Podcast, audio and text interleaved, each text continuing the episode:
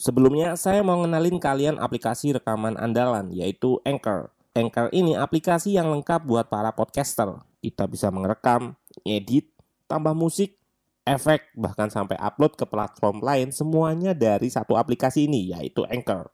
Nah, aplikasi ini bisa kalian download di App Store atau Play Store, atau bisa juga dari website langsung di www.anchor.fm.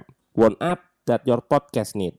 Oh ya, Anchor ini gratis, free transfer.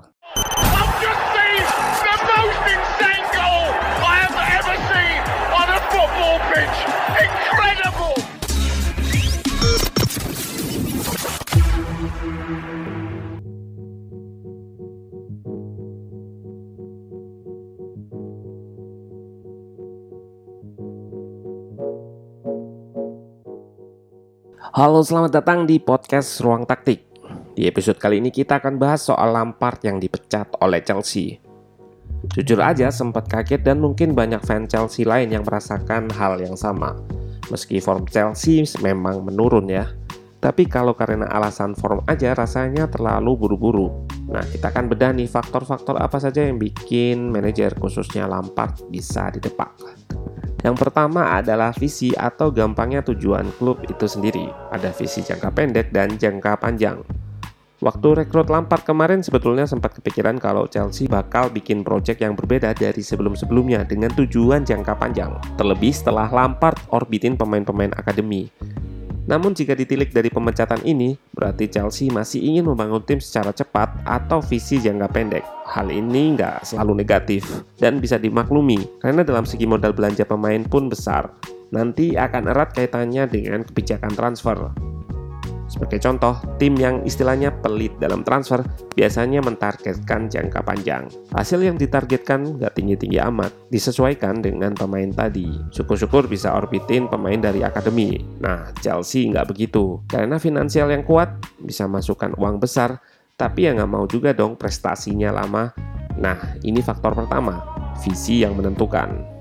Yang kedua, hubungan dengan manajemen. Nah, ini bisa jadi faktor utama penyebab pemecatan. Manajer itu hierarki dalam klub hanya mengurusi first team. Biasanya juga reserve dan akademi, tapi seringnya didelegasikan ke orang lain.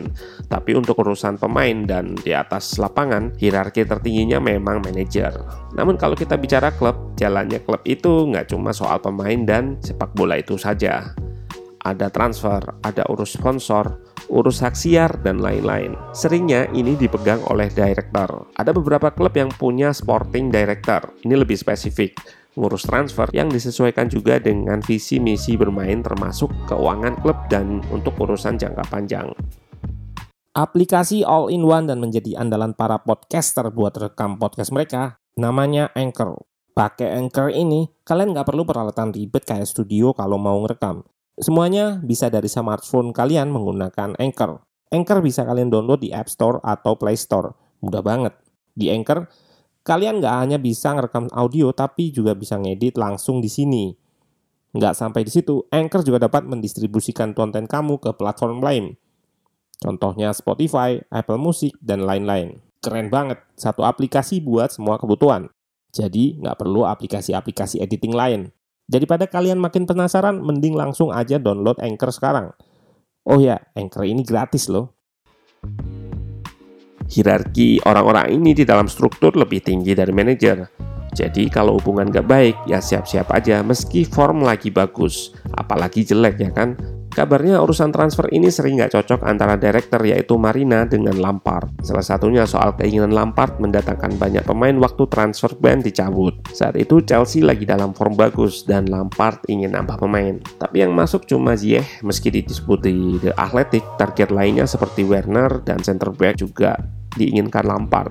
Nah, kalau nggak akur, Transfer yang dilakukan bisa dibilang tanda kutip ngawur alias nggak sesuai kebutuhan manajer atau nggak sesuai visi klub soal playing style. Ini juga jadi isu yang kabarnya pembelian-pembelian Chelsea nggak semuanya dari Lampard. Faktor-faktor ini juga bikin harmonisasi tim terganggu. Kabarnya lagi soal Kepa yang menurut Marina mesti harus didekati secara persuasif daripada beli kiper baru. Ya kita tahu sendiri mungkin Marina anggap udah beli mahal-mahal masa dianggurin dan malah beli baru. Sementara Lampard tetap kekeh kalau Kepa sudah off form dan dia nggak melakukan pendekatan persuasif. Juga ada soal backroom staff yang Lampard ingin ganti tapi manajemen nggak kasih. Alhasil orangnya tetap kerja tapi nggak kepake.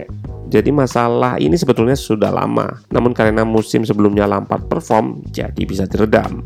Namun karena musim ini menurun, apalagi dengan belanja gila-gilaan, jadi alasan yang tepat bagi manajemen buat mecat. Dan sebetulnya manajemen Chelsea sudah kontak beberapa manajer seperti Ralf Ragnick untuk jadi pengganti sementara. Tapi dianya nggak mau. Nagelsmann juga, tapi Leipzignya nggak mau.